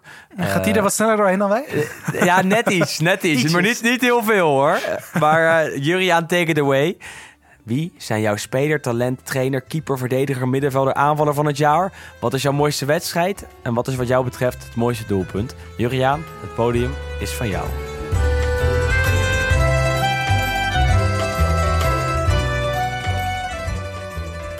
Met een Scudetto voor AC Milan is een leuk, maar niet erg goed seizoen van de Serie A aan zijn eind gekomen. Eind goed al goed. AC Milan had misschien niet de beste ploeg, maar speelde wel het spel het best. En dat is belangrijk, want voetbal is immers geen wetenschap. Het is een spel en wie dat het beste speelt, maakt de meeste kans om te winnen. Het is wel de 21ste landstitel op rij in de Italië van de grote drie. En ondanks dat het de eerste van Milan is na 11 jaar, net als die van Inter vorig jaar, is dat toch wel een veelzeggend gegeven. Dit was misschien toch het seizoen waarin bijvoorbeeld Napoli had kunnen toeslaan. Het werd dus Milan, dat alle complimenten verdient. Het is dan ook logisch dat die club, ook bij mijn nominaties voor de Lo Stadio Awards, het meest wordt genoemd. Buiten mededinging wil ik Zlatan Ibrahimovic toch een speciale vermelding geven als man van de Scudetto. Hij speelde dit seizoen weinig, maar zijn invloed eh, sinds zijn komst in januari 2020 heeft tot deze Scudetto geleid. Het is echt onwaarschijnlijk en het is ook voor hem maar liefst zijn veertiende landstitel. Al komen er maar twaalf in de boeken. Die kopgoal waarmee hij zondag scoorde, die overigens ook niet in de boeken komt, toonde nog één keer aan hoe uitzonderlijk zijn kracht is voor de ploeg. Ik zeg eerlijk dat hij de uitzondering is op de regel van de opgewarmde soep. Zoals die bij zijn komst ook door mij werd aangekondigd. Zlatan is Messi nog Cristiano Ronaldo, maar wel een bijzonder fenomeen. De speler van dit seizoen is Rafael Leao. Met 11 goals en 10 assists de meest bepalende speler bij dit kampioenschap van Milan. Vooral zijn rol in de slotfase van het seizoen toen hij Milan aan kop moest houden is geniaal. In het begin van het seizoen, bij de sterke start van Milan met 10 zegens in de eerste 11 wedstrijden, stond hij misschien nog in de schaduw van inmiddels vergeten Brahim Diaz. Maar na de winter was Milan vooral Leao en Leao Milan, zoals de Corriere dello Sport op maandag schreef. De beste keeper is waarschijnlijk ook de beste aankoop van dit seizoen, Mike Maignan, die voor de tweede keer op rij kampioen wordt, na de stunt met Lille van vorig jaar. Hij heeft op een geweldige manier Donnarumma doen vergeten. Samen met zijn verdedigers hield hij 18 keer de nul. Dat zegt voldoende. De beste verdediger is ook van Milan. Het was er even moeilijk kiezen, want op basis van de eerste seizoenshelft mag Simon Kjaer niet onvermeld blijven. En eigenlijk verdient Pierre Kalulu ook een vermelding. Maar uiteindelijk ga ik toch voor Fikayo Tomori. Want die heeft een geweldig seizoen gespeeld. Zeker na het wegvallen van Kjaer en Romagnoli. werd hij de leider van een linie die bijna onoverwinnelijk werd. Een enorme stunt van de Milan-leiding om hem bij Chelsea los te weken. Ook al ging dat gepaard met een stevige transfersom. Maar die 28 miljoen euro heeft hij inmiddels in anderhalf jaar wel terugverdiend. De beste middenvelder van de Serie A is voor mij Ivan Perisic. Die zelden zo goed heeft gespeeld als in dit seizoen. Je vraagt je nu toch wel af waarom Conte aanvankelijk van hem af wilde en hem naar Bayern stuurde. Hij paste zich na de verbanning van één jaar aan de eisen van Conte aan en werd in die rol doorslaggevend. Het zou jammer zijn als er nu een einde komt aan zijn verblijf bij Inter, maar daar leek het bij het juichen na zijn treffer tegen Sampdoria wel op. De beste aanvaller, tja, dat wordt lastig. Eigenlijk moet die prijs naar de maker van de doorslaggevende goals. En dat is Olivier Giroud. Die tien jaar na het mooiste kampioenschap in Europa in deze eeuw zijn loopbaan eeuwige roem heeft gegeven met een viersrol bij dit Milan. Maar uiteindelijk kan ik niet om Ciro Immobile heen. Geen ster in de nationale ploeg, maar wat een waardevolle speler voor Lazio. Ook dit jaar topscorer met 27 goals. Oftewel evenveel als Benzema er heeft gemaakt bij Real Madrid. En daarom kies ik toch voor Immobile. Voor het talent van het jaar val ik terug op Milan en kom ik uit bij Sandro Tonali vanwege zijn doorslaggevende rol in de slotfase van het seizoen. Hij heeft zich echt ontwikkeld als een sleutelspeler in de ploeg. Misschien niet echt een Pirlo, meer een Gattuso, maar eigenlijk een Daniele De Rossi. Iemand die zich aan de omstandigheden aanpast. Zijn ontwikkeling is zeker de verdienste van Stefano Pioli. En dan kom ik automatisch uit bij de trainer van het seizoen. Natuurlijk is dat Pioli, omdat hij iets voor elkaar heeft gekregen met geduld en met passie. Zijn ploeg speelt als een dorpsharmonie, maar de dirigent is nooit in paniek geraakt. Zelfs niet na de thuisnederlaag tegen Spezia of de bekernederlaag tegen Inter. In de laatste 16 wedstrijden bleef Milan ongeslagen en de laatste 6 werden onder grote druk gewonnen. Dat is ontzettend knap. Hopelijk krijgt zijn loopbaan een beter vervolg dan die van Zaccaroni en Bigon, die na het winnen van de Scudetto hun levenswerk hadden voltooid. Pioli is een echte leerling van Trapattoni, Bagnoli en Ranieri. Kortom, een kind van de Italiaanse trainerschool. De mooiste wedstrijd van dit seizoen is misschien wel Roma-Juventus. Achteraf zeker doorslaggevend in de strijd om de vierde plaats. Juve won met 4-3, terwijl het 20 minuten voor tijd met 3-1 achter stond. Maar een sensationele ommekeer liet nog één keer de oerkrachten van Juve zien als men echt op haar staart staat. Voor de mooiste goal nomineer ik er drie die de titelstrijd hebben beslist. Natuurlijk de goal van Theo Hernandez van vorige week tegen Atalanta. Maar toch vooral ook de goal van Rafa Leao tegen Sampdoria met een assist van Maignan. Na die goal nam ik Milan als titelkandidaat zeer serieus. Maar zeker ook de goal van Tommaso Agello van Sampdoria tegen Inter. Waardoor de titelverdediger twee kostbare punten verspeelde en in de achtervolging moest op de stadgenoot. Waarschijnlijk technisch beschouwd de mooiste goal van dit seizoen. De beste scheidsrechter is uh, Daniele Doveri, die in de slotfase de titelstrijd van dichtbij mocht begeleiden en alle uitwedstrijden van Inter en Milan floot. De grootste flop is toch wel Cagliari. Want deze degradatie is totaal onnodig. En als je een goal nodig hebt om je te redden en dan bijna niet op doel schiet, heb je echt iets volledig verkeerd gedaan. De andere flop is Andrei Shevchenko, die in twee maanden tijd zijn reputatie als coach heeft weggegooid. Ik sluit af met het leukste moment van dit seizoen, maar dat hoef ik eigenlijk niet te benoemen. Audero non lo sapeva. Alla prossima, amici dello stadio.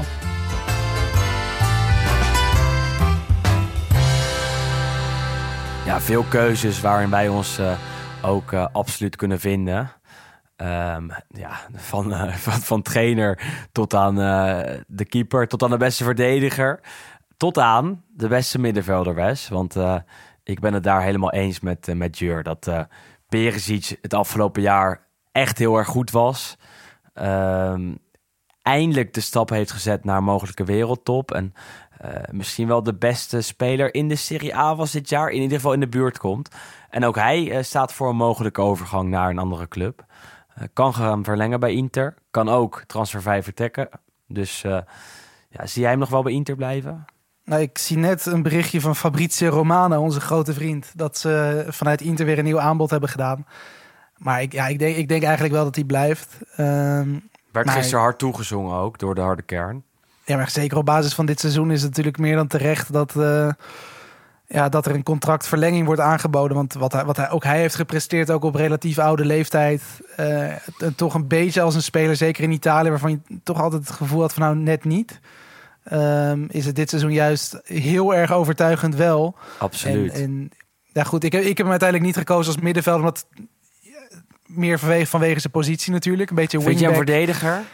Ja, ik weet niet waar ik, ik. Ik vind hem ook niet per se een middenvelder. Nee. Het is eigenlijk. Hij komt nergens voor een aanmerking.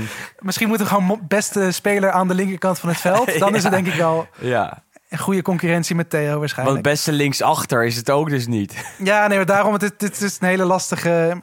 Ja, die wingback-positie. Het is ja. eh, ingewikkeld. Maar nee, hij heeft fantastisch gepresteerd natuurlijk. eh, zijn goals tegen, tegen Juve in de, in de bekerfinale. Eh, heel veel belangrijke goals natuurlijk ook. die, wat was die kobbel uit bij Udinese? Dat het, dat het ja, toch ook wel belangrijk was dat er werd gescoord. Ja, het is... Tegen Napoli, tegen Milan. Echt wel een paar keer heel beslissend geweest. Vooral uit corners. Maar ja, ook verdedigend een stuk beter geworden. En dat en hij rent de long uit zijn lijf ja, natuurlijk. Het is echt eh, alsof hij alsof hij 12 paar longen heeft. Net zoals zijn landgenoot. Ja, Daar, ja, over bruggetjes gesproken, want daar dat ga is jij voor. mooie. Want daar ga ik voor. Ja, Brozovic. Ik wil niet weten hoe het met zijn longen is. Want ik kan me niet voorstellen dat met al dat... Met al die sigaretten en al die drank en al die feestjes... dat het eh, Hij is knettergek, hè? er van binnen heel goed uitziet. Maar ja, ik, dit, kijk, ik vind Brozovic... is mijn middenvelder van het jaar. Eigenlijk om een paar redenen. Ehm, objectief gezien is het gewoon heel knap... of tenminste heel bijzonder dat je ziet... hoe slecht Inter eigenlijk is als Brozovic er niet bij is. Mhm. Ik denk dat er heel weinig spelers dit seizoen überhaupt zijn geweest. Die, ja, wiens gemis eh, zwaarder heeft gewogen op de club dan Brozovic eh, afwezig bij Inter. Ligt ook aan Inter, ligt ook aan Inter, maar ook zeker aan Brozovic, denk ik. absoluut. En subjectief, omdat ik het gewoon gigantisch belachelijk, idioot vind... dat een speler die zo knettergek is buiten het veld... dan in het veld zulke prestaties kan neerleggen. Want wat jij zegt, net als Perisic, die man die loopt gevoelsmatig 30 kilometer tijdens een wedstrijd. Ja, en als je dan inderdaad gelijk direct na de bekerwinst... weer met drie sigaren in zijn bek ziet zitten... en een fles champagne tussen zijn benen, ja... Het, En met een bomtato in zijn nek. knetter, knettergek. En op Instagram kijkt wat hij allemaal plaatst. Dan denk je, hoe kan dat nou? Dat hij in het veld eh, alles weet. Dat hij precies weet wat er gaat gebeuren. En altijd kan handelen waardoor hij sneller is. Waardoor hij slimmer is. En waardoor hij de bal toch bij een medespeler krijgt. Dat, dat, is, dat is echt ongelooflijk. Ehm, een echte regisseur. Misschien wel de grootste regisseur in Italië op dit moment. Ja, absoluut, ja, zeker. Maar, Komt niemand in de eh, buurt, denk ik. Nee, ehm, nee. Nou, want wij kiezen dus voor Brozovic en voor Perisic. Eh, maar op het middenveld eh, zijn er nog wel andere namen die we moeten noemen, hè, denk ik. Ik bedoel, Fabian Ruiz heeft absoluut een prima seizoen gehad bij Napoli. Milinkovic-Savic, dubbele cijfers qua doelpunten en assists bij Lazio. Staat ook mogelijk voor een transfer. Eh, Tonali had hier ook kunnen worden genoemd. Ehm, dus ja, ehm, een, een, een felbegeerde prijs, die Lo Stadio Award voor het middenveld. Door ons uitgedeeld aan Ja, ik ben benieuwd en of hij hem gaat, eh, gaat tatoeëren naast die bom. Ja, nou, ik Zou mag het zijn. hopen. Ja. Hij gaat naar hem toe in Milaan in ieder geval. Zeker naar Brozovic, want die blijft. Bij Perisic is nog even afwachten waar de prijs naartoe mag. Maar Perisic laat vooral even weten waar, het, eh, waar, het, eh, waar de award naartoe kan gaan. In de aanval ja, is het toch weer aantrekkelijk om Leao te noemen. Heb ik ook gedaan. om de welbekende redenen. Jij noemt daar nog iemand extra bij. Ja, goed, Ciro Immobile is weer 27 goals. Dat is Ongelooflijk. ja, bijzonder, want je hebt toch echt niet per se het gevoel gehad... dat dit nu echt weer het seizoen van Ciro Immobile was. Je hebt het Eh, niet door, hè? Je hebt het gewoon niet door, maar ieder weekend komt er gewoon weer eentje bij. En soms twee en soms drie. Ja, het is, het is echt... eh, het is nu de vierde keer dat hij dat die topscorer wordt van Italië. Ja, het is cijfers. Als je gewoon letterlijk alle statistieken sinds zijn komst naar Lazio neerzet... en naast elkaar zet, dat is... Het, ja, het is gewoon niet te bevatten eigenlijk. En hoe Nee. onderschat hij eigenlijk nog steeds is door iedereen. Want hij wordt nooit genoemd eigenlijk in een lijstje met beste aanvallers van Europa. Nou ja, komt En dat ook- heeft natuurlijk, dat hebben ja. natuurlijk, we hebben het een paar weken geleden ook gezegd. Precies. Dat komt natuurlijk ook door de club waar hij speelt. Maar En doordat hij het bij Italië zo slecht doet elke keer. Daar bakt hij en er dat is, gewoon dat helemaal is niets natuurlijk de tegenstelling die heel, heel bijzonder is eigenlijk. Dat je gewoon jaar in jaar uit echt gigantisch eh, goed kunt presteren. Misschien zelfs wel boven je kunnen presteert in de Serie A. Maar op het moment dat je ergens anders naartoe gaat, eh be het de nationale ploeg of Sevilla Dortmund. Precies. Ja, Dan bakt hij er helemaal niets van. Komt hij weer terug bij, bij Lazio, is het fantastisch. Maar dat is niet alleen de speelstijl. Want die is onder de afgelopen trainers echt wel anders geweest. Eh, onder Inzaghi speelde hij anders dan nu onder Sarri. En toch he- maakt hij evenveel goals. Dat, dat vind ik nog zo bijzonder. Maar ja, 27, beter dan wie dan ook. Ik bedoel, nummer 2 op de topscorerslijst was Vlahovic. Eh, nummer 3 Lautaro Martinez. Ehm, die ook absoluut een, eh, een vermelding verdienen. Samen met Abraham en Simeone natuurlijk absoluut.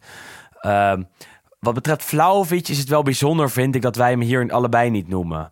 Eh, want ik geef die prijs dus eigenlijk aan Leao. Want die was bij mij nog niet genoemd. Ehm, maar jij ik, geeft, hem, ja, jij geeft hem aan Immobile. maar ja, kijk. Vlahovic noemen we niet. ja, maar ik vind het eigenlijk gewoon heel moeilijk om na zo'n seizoen iets positiefs te kunnen zeggen over Juve. Maar we zaten in de winter... In de maar winter objectief, ja. objectief gezien, ja. Kijk, Vlaovic heeft natuurlijk een fantastisch seizoen gedraaid. Bij Fiorentina echt wel uitgegroeid tot in ieder geval een van de grootste aanvallende talenten van de wereld. En je ziet ook wel dat sinds zijn komst naar Juve is Juve iets, of tenminste gewoon beter beginnen draaien. Ehm, en ja, natuurlijk in, qua doelpunt en qua betrokkenheid zie je dat bij Juve nog niet altijd. Dat heeft waarschijnlijk ook gewoon te maken met de speelstijl. Maar je ziet wel eigenlijk sinds zijn komst dat er de hele ploeg ook wel met veel meer vertrouwen voetbalt. En ehm, ja, ik denk wat hij teweeg heeft gebracht, ook gewoon überhaupt met zijn komst. En ook gewoon weer om een beetje de verhoudingen in Italië op scherp te zetten. Dat Juve toch gewoon eigenlijk de beste, het beste talent uit de competitie weet te strikken Absoluut. in de winter. Eh, is hij toch wel van essentieel belang geweest. En ik kan me wel voorstellen dat volgend jaar, als inderdaad. Nou goed, ik weet niet of Allegri iets anders gaat voetballen. Ik mag hopen van wel. Maar zeker met in ieder geval de terugkeer van Chiesa. En dan eventueel misschien met Angel Di Maria en Pogba. Want dat zijn natuurlijk ook de namen die nu worden genoemd. En als hij iets meer aanvoer krijgt. Ja, ik kan me niet voorstellen dat hij dan niet ook weer tot dit soort aantallen komt. 25, 30 goals. Want In de winter hebben we hem er. genoemd. We hebben hem bij elke categorie bijna dachten we aan Vlahovic. In de winter. Want dan in de, in de, aan het eind van het kalenderjaar hebben we ook altijd een paar awards. Eh, en daar kwam Vlahovic veel vaker naar voren dan nu. Is er dan toch iets misgegaan tussen zijn overstap van Fiorentina en, en, en nu? Van, van Fiorentina mis- naar Juve mis- dus. Misgegaan niet per se. Alleen het is denk ik gewoon vooral bij hem eh, het verschil qua speelstijl. Waar je natuurlijk bij Fiorentina... Nou goed, 4-3-3 is het misschien niet altijd. Maar het is wel een ploeg die over de vleugels ook kan voetballen. En dat er voorzetten komen. En dan is hij gewoon echt een van de beste spitsen. En bij Juve wordt hij natuurlijk veel meer nu... Of tenminste is hij nu natuurlijk veel meer gebruikt als een soort diepe spits op een eiland. En je ziet Ja. wel dat hij heel goed is in het kaatsen en een bal vasthouden en het spel verleggen. Alleen hij speelt wel ja, gewoon automatisch gewoon 30 of 40 meter van de goal af van de tegenstander. Waardoor hij gewoon iets minder in zijn ja, afwerkende kracht komt. Ja, dat is Eh, zo. En ik denk dat dat het grootste verschil is. Maar dat is denk ik dus ook gewoon vanwege het feit dat ze bij Juve dit seizoen niet echt spelers hadden die via de vleugels hem konden bedienen. Want Alexandro, ja, te slecht om waar te zijn. Eh, Pellegrini, die probeert het, maar dat is ook niet goed genoeg. Quadrado heeft natuurlijk wel een relatief oké seizoen gedraaid, maar ook vaak net niet. Dus ook die ballen komen er ook gewoon niet op, eh, Nee, op hem. En dat, en dat maakt natuurlijk wel een groot verschil. Dus wat dat betreft hoop je dat Allegri volgend jaar gewoon echt die vleugels gaat hanteren. Omdat dat echt, denk ik, de manier is waarop Vlaovic gewoon 30, 35 goals kan maken. Nou ja, en, als je kijkt naar jonge spitsen, heeft Lautaro Martinez van Inter het ook hartstikke goed gedaan. En Abraham van Roma ook. Dat is wel hoopgevend, vind ik. Dat, dat zulke soort jonge goalgetters het, eh, het hartstikke goed doen. En dan is het te hopen dat ze blijven. Vlaovic natuurlijk sowieso. Bij Lautaro Martinez eh, zijn er iets meer twijfels. Abraham zou ook nog wel een jaartje bij, eh, bij Roma moeten kunnen blijven. Eh, dan hebben we toch wel wat mooie bombers daar. Die eh, jong, talentvol en eh, kwalitatief hartstikke goed zijn. Ehm, ja, Lautaro, nog één ding daarover. In het seizoen zonder Lukaku wel iets meer ontploft, hè? Ja. Dan, dan vorig jaar dus. Nou, ja goed, je hebt dan toch vorig seizoen natuurlijk met Lukaku die er misschien... Ja, tenminste, ze speelden ook goed samen hoor, daar niet van. Maar je hebt dan toch eh, Lukaku die daar echt een beetje het voortouw nam. En ja, het is, het is misschien een beetje gemeen om te vergelijken met, met Ronaldo en Benzema. Maar je ziet dan toch dat als je twee hele goede spelers daar hebt staan, dat uiteindelijk één van de twee echt de, de spotlight pakt. Ja, En dat zoals je bij Real Madrid ziet, zodra dan een van die twee weg is, dat de ander dan eigenlijk ook gewoon fantastische, een fantastische voetballer blijkt. En ik denk dat dat bij Lautaro dit seizoen ook wel echt is duidelijk geworden dat, dat zijn plafond misschien hoger ligt dan je vorig jaar van hem eh, had gedacht. En hij kan niet samenspelen met Zeko. Dus ook daar is het wel interessant wat er aankomende zomer gebeurt. Want als hij met die Bala gaat spelen, kan dat heel interessant worden. Maar kan het ook misschien dus verkeerd uitpakken. Ehm, Abraham bij Roma. eh, nu de Engelsman met de meeste goals ooit in één seizoen in, eh, in, Eng- in Italië geworden. Dus ja, ook dat is gewoon een goed seizoen geweest, Wes. Wat, een- Ondanks dat hij de voorspelling, hè? Ondanks dat hij de 20 niet heeft gehaald. Dus eh, ja, ja, moet ik je toch het ongelijk geven. Ehm, nou ja, de Speler Awards wel, eh, wel verdeeld. Ehm, maar ja, we hebben ook genoten van, van heel veel mooie wedstrijden. Waarin er eh, heel veel moois is langsgekomen. Van prachtige doelpunten tot mooie incidenten. Tot fantastisch veel goals aan zich. Ehm, wat heb jij als mooiste wedstrijd eh, genoteerd? Ja, ik vind het altijd zo moeilijk, want ja, ik, ik Vergeet je dat het? Je vergeet dat. Het is echt zo'n soort recency bias natuurlijk. Hè? Dus Ja. de, de meest recente wedstrijd die je hebt gezien is dan ook automatisch de beste praktisch. Bij mij niet hoor. Ja, ik weet, ik vind het echt heel lastig. Want over En bij het jou ook niet, denk ik. Nou, ja, goed, kijk, over het algemeen, weet je, kijk, ik, ik kijk natuurlijk wel naar heel veel wedstrijden. Alleen waar ik echt het gevoel heb dat ik natuurlijk veel van zie, is Juve. En dat is, Ja, ja, ja. ja, ik heb echt ge- nou, praktisch geen enkele wedstrijd echt kunnen genieten daarvan. Ondanks dat natuurlijk wel een paar mooie krakers eh, tussen hebben gezeten.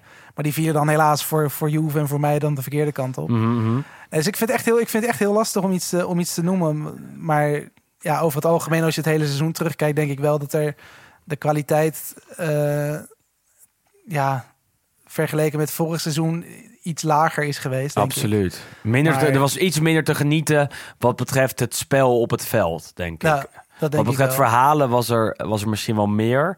Maar eh, daaromheen was het niet per se... eh, tenminste, op het veld zelf was het dus niet per se kwalitatief uitstekend. Maar ik hoor Maar graag ja. wat jij als, eh, als wedstrijd Nou, ik heb echt wel een paar wedstrijden waarvan ik echt enorm heb genoten. Kijk, als Interista eh, eh, zou ik Roma-Inter zeggen. Daarin heb ik een Inter gezien dat ik misschien nog nooit eh, zo had zien voetballen. Maar dat is dan niet de mooiste wedstrijd, maar meer het mooiste Inter-potje. Maar de mooiste wedstrijd, ja... daar kwam Juria natuurlijk op Roma-Juve, 3-4. Was, eh, was ook heel mooi, maar die heb ik niet helemaal kunnen zien. Dus dan vind ik het niet helemaal eerlijk om die te noemen. Waar ik wel voor ben gaan zitten en waar ik ook wel van heb genoten... of ook van heb genoten dus eigenlijk... was ehm, Roma-Sassuolo. Want daar eh, gebeurde eigenlijk ook alles. Was het over en weer aanvallend voetbal. Eh, werd het houtwerk een aantal keer geraakt. Had je eh, mooie spelers op het veld staan. En als je bovenal een Mourinho die eh, zoals vanouds weer naar de cornervlag rende... eh, na een winnende goal in de blessuretijd. En ja, daar genoot ik echt heel erg van. En toen dacht ik ook, ja, Mourinho is terug. Roma gaat het leuk doen, gaat het goed doen. En de borrelende sfeer in het Olympico hielp daar ook uitstekend bij. Dus ja, ik ga voor, voor Roma Sassuolo. Misschien wel een opvallende keus, eerlijk gezegd, als ik het nu, eh, als ik het nu bedenk. Roma-Juve wordt hier heel vaak genoemd. Nou, En wel terecht, Nou. denk ik ook. ja, goed, wat ik zeg, er zijn natuurlijk wel wedstrijden geweest. Maar ja, ik weet niet, ik vind dat zo moeilijk dit, hè? Ook, Ja. gewoon, met, ook gewoon met doelpunt. Want dan denk ik echt van welke doelpunten hebben we allemaal gehad? En het zijn natuurlijk gewoon honderden geweest. Ja, ja. Ik, ik, ik moet zeggen, want dat is nu de, de volgende categorie die je dan aan. Absoluut. Die, die, die, die we dan even, even heb je heel gaan. goed, ja. Maar ik kom daar ook eigenlijk niet verder dan die, dan die dribbel van Theo. Ook gewoon vanwege het moment en de. Ja, Nee, ja je- en de dribbel ook gewoon daadwerkelijk op zich. Maar ik, ik heb. Ja, ik weet niet. Ik, ik vind het echt heel moeilijk. Eh, ik heb daar ook de dribbel van, eh, van Theo. Maar ja, ook omdat dat, eh, dat het echt een fantastische echt goal een was. fantastische goal. Maar, Je hebt ook nog, nog een prachtige afstandsschot. Die wordt hier genoemd van Candreva tegen Udinese. Eh, Theo komt vaak langs. Je hebt Molina, Mo- Molina van Udinese tegen Cagliari. ja. Dat prachtige stiftje. Di Marco tegen Sampdoria, vrije trap. Pellegrini, die heerlijke vrije trap tijdens Roma-Lazio. Die was echt fantastisch. Dus die zal, eh, glimlachende zal Totti op ook de wel... Ja, ja, ja, ja, met uh, Venditti ernaast. Kijk, ik vond de, ik vond de volley van. Aramo de- in, in de thuiswedstrijd tegen Juve namens Venetië was ook een mooie. Ja, dat Ja, zijn goed, allemaal heerlijke goals. zijn best wel veel, het zijn best wel veel goede goals, maar Çalhanoğlu Ja, op een gegeven moment ook een keer een afstand. Maar Theo, er komt niks in de buurt van Theo. nee. Ja, we hebben, we hebben vorige uniekheid. week, nee, vorige week hebben we natuurlijk helemaal dood geanalyseerd die, eh, die goal. Ja. Maar ja, alle, gewoon de combinatie van alles. Je weet dat het heel belangrijk is in die Scudetto-race. En dan is het zo'n fantastisch doelpunt op zo'n Zo moment van de wedstrijd. Zo is het. Ja, Dat is, dat is alles. van het jaar. Dat moet je hebben. En dat, dat is eh, ook wel terecht eh, de Lo Stadio goal van het jaar. We hebben ook de Lo Stadio flop van het jaar. ja, daar kan je Atalanta noemen. Eh, dat zou ook wel terecht zijn, want die zijn de achtste geworden, plaatsen zich niet voor Europees voetbal. Kan je ook wat andere eh, dingen noemen. Andere clubs, andere spelers, andere trainers. Ik kwam op Allegri. ook een beetje om jou te jennen. ja, ik weet het. Eh, Ja, goed, ja, Eh, omdat ik, ik ben, eh, we hadden het vorig jaar hebben het vaak over Pirlo gehad. We hadden het vaak over zijn manier van trainen, op, op, over de manier van spelen. Vond ik ook leuk om te benoemen dat, dat jij zijn scriptie had vertaald en dat Juve mooier moest gaan voetballen en zou gaan voetballen. Dat, dat gebeurde niet helemaal. Ja, toen kwam Allegri en daarbij had ik het nog slechter. nou ja, daarbij had ik het gevoel, ja, dat, dat, dat, dat moet wel een trainer zijn die ze de juiste weg weer in kan laten zetten. Maar dat idee heb ik dit jaar gewoon echt heel weinig gehad, eerlijk gezegd. Eh, een toptrainer met een topsalaris, met een topstaat van dienst inmiddels ook. Maar ja, niet meer met, met, met, met, met top ideeën, niet meer met de ideeën van deze tijd, niet meer met een top Nee, speelstijl. ja, en, en ook gewoon niet, als we ook gewoon eerlijk zijn, ook geen topselectie natuurlijk eigenlijk. Hè? Want, Eh, nee, ik wil hem ook niet, niet alleen maar hem nee, nee, nee, nee, maar, nee, maar, ja. zo, zo bedoel ik het ook niet hoor. Maar Nee, ik heb wel het idee dat er. Het is niet dat hij nu een niksnut is en dat Allegri helemaal niks meer kan. absoluut niet. En, Ik precies. denk wel zeker dat er nog dat er potentie in zit. En zeker met de namen die worden genoemd nu. En ook gewoon vooral doorselecteren wat natuurlijk plaatsvindt. Eh natuurlijk Dybala weg, Chiellini weg, eh Alexandre hopelijk weg, Bernardeschi weg. Maar dat moet hem echt gaan helpen. Als, als hij dan niet gaat. Ja, als, presteren... als het volgend seizoen wat goed ze hebben natuurlijk ook eigenlijk dit ja, het seizoen nog een beetje achter de hand gehouden. Of tenminste het smoesje gebruikt. tussenjaar Van, goed tussenjaar. Ronaldo net weg op een heel ongelukkig moment. Is ja, dat dan kan natuurlijk je ook dat echt volgend, zo. volgend, maar- volgend jaar kun je dat niet meer gebruiken. En, en het zal vast een rol hebben gespeeld.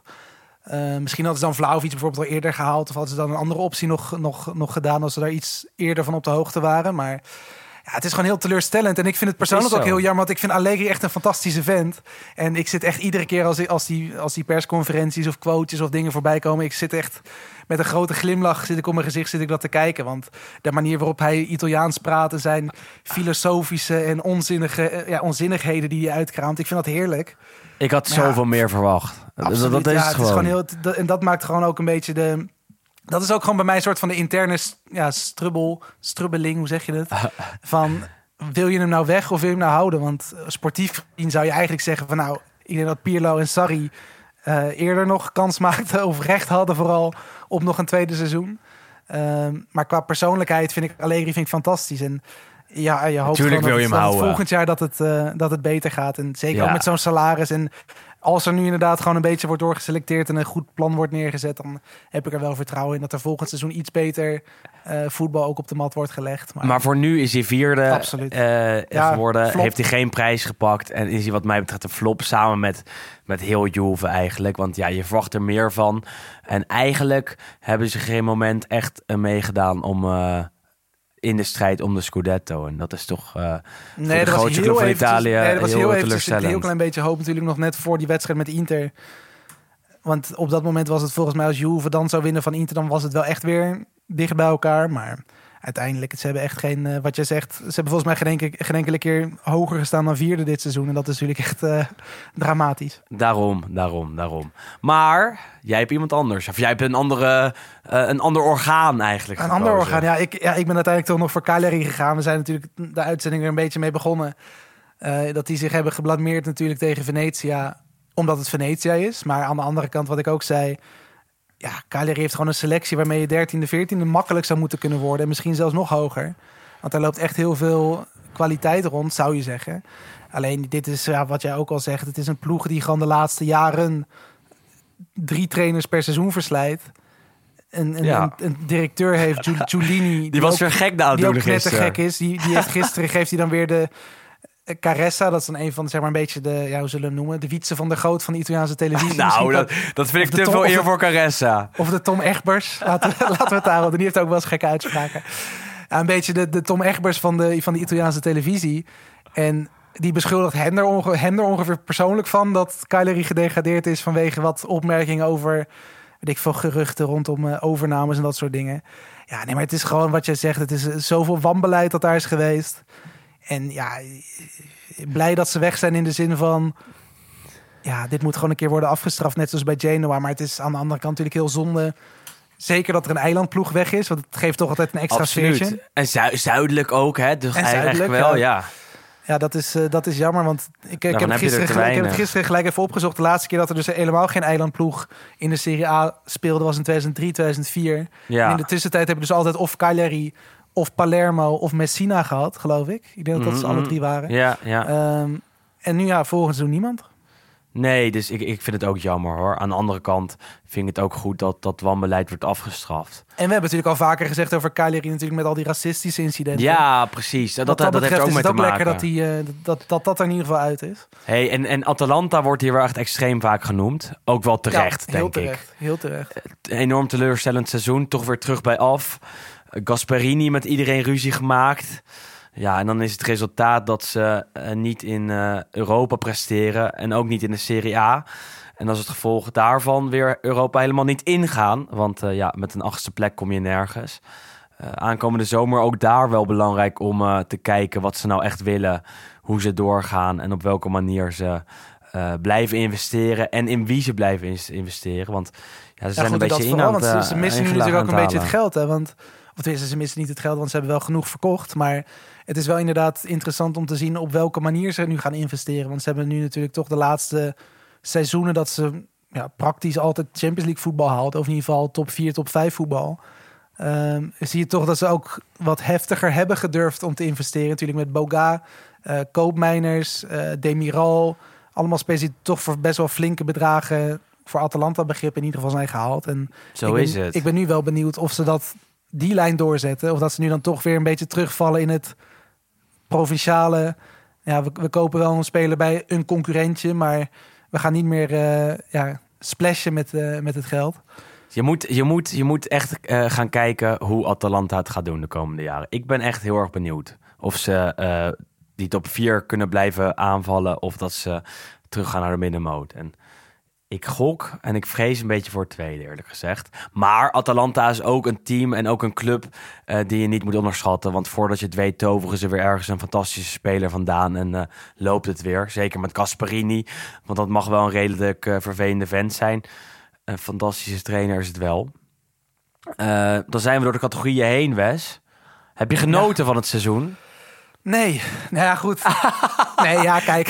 zeg. Nee, nou, dat is nee. lekker. Dus dat, we hebben vorige week gezegd dat we doorgaan. Nee, ik geniet er helemaal niet van. Ja, god, ja. Dat, eh, Nee, nee, ik moet, als, nee, ik moet heel eerlijk zeggen, ik heb eigenlijk, en dat, dat, is, dat is wel leuk aan zo'n ja, verschrikkelijk seizoen van Juve kant. Want dat is de reden waarom ik nee zeg.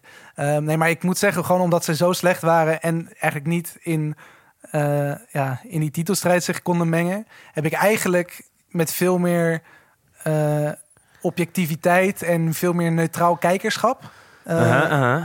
de competitie kunnen volgen. En dat vind ik ook wel heel leuk. Want ik heb nu ook veel meer wedstrijden gezien van, van Milan en Inter en van die degradatiekandidaten bijvoorbeeld. En andere ploegen als Udinese die me ook echt wel hebben verbaasd met, met goed voetbal en, en veel doelpunten. Verona. Ehm, ja, ik weet niet. Ik heb gewoon de afgelopen jaren eigenlijk 9 van de 10 keer was gewoon de wedstrijd die ik sowieso ging kijken was natuurlijk Juve. En ik heb dat nu ook wel gewoon een paar weken gelaten. Dat ik dacht van nou, ik, word er, ik, voel, ik voel er niks meer bij.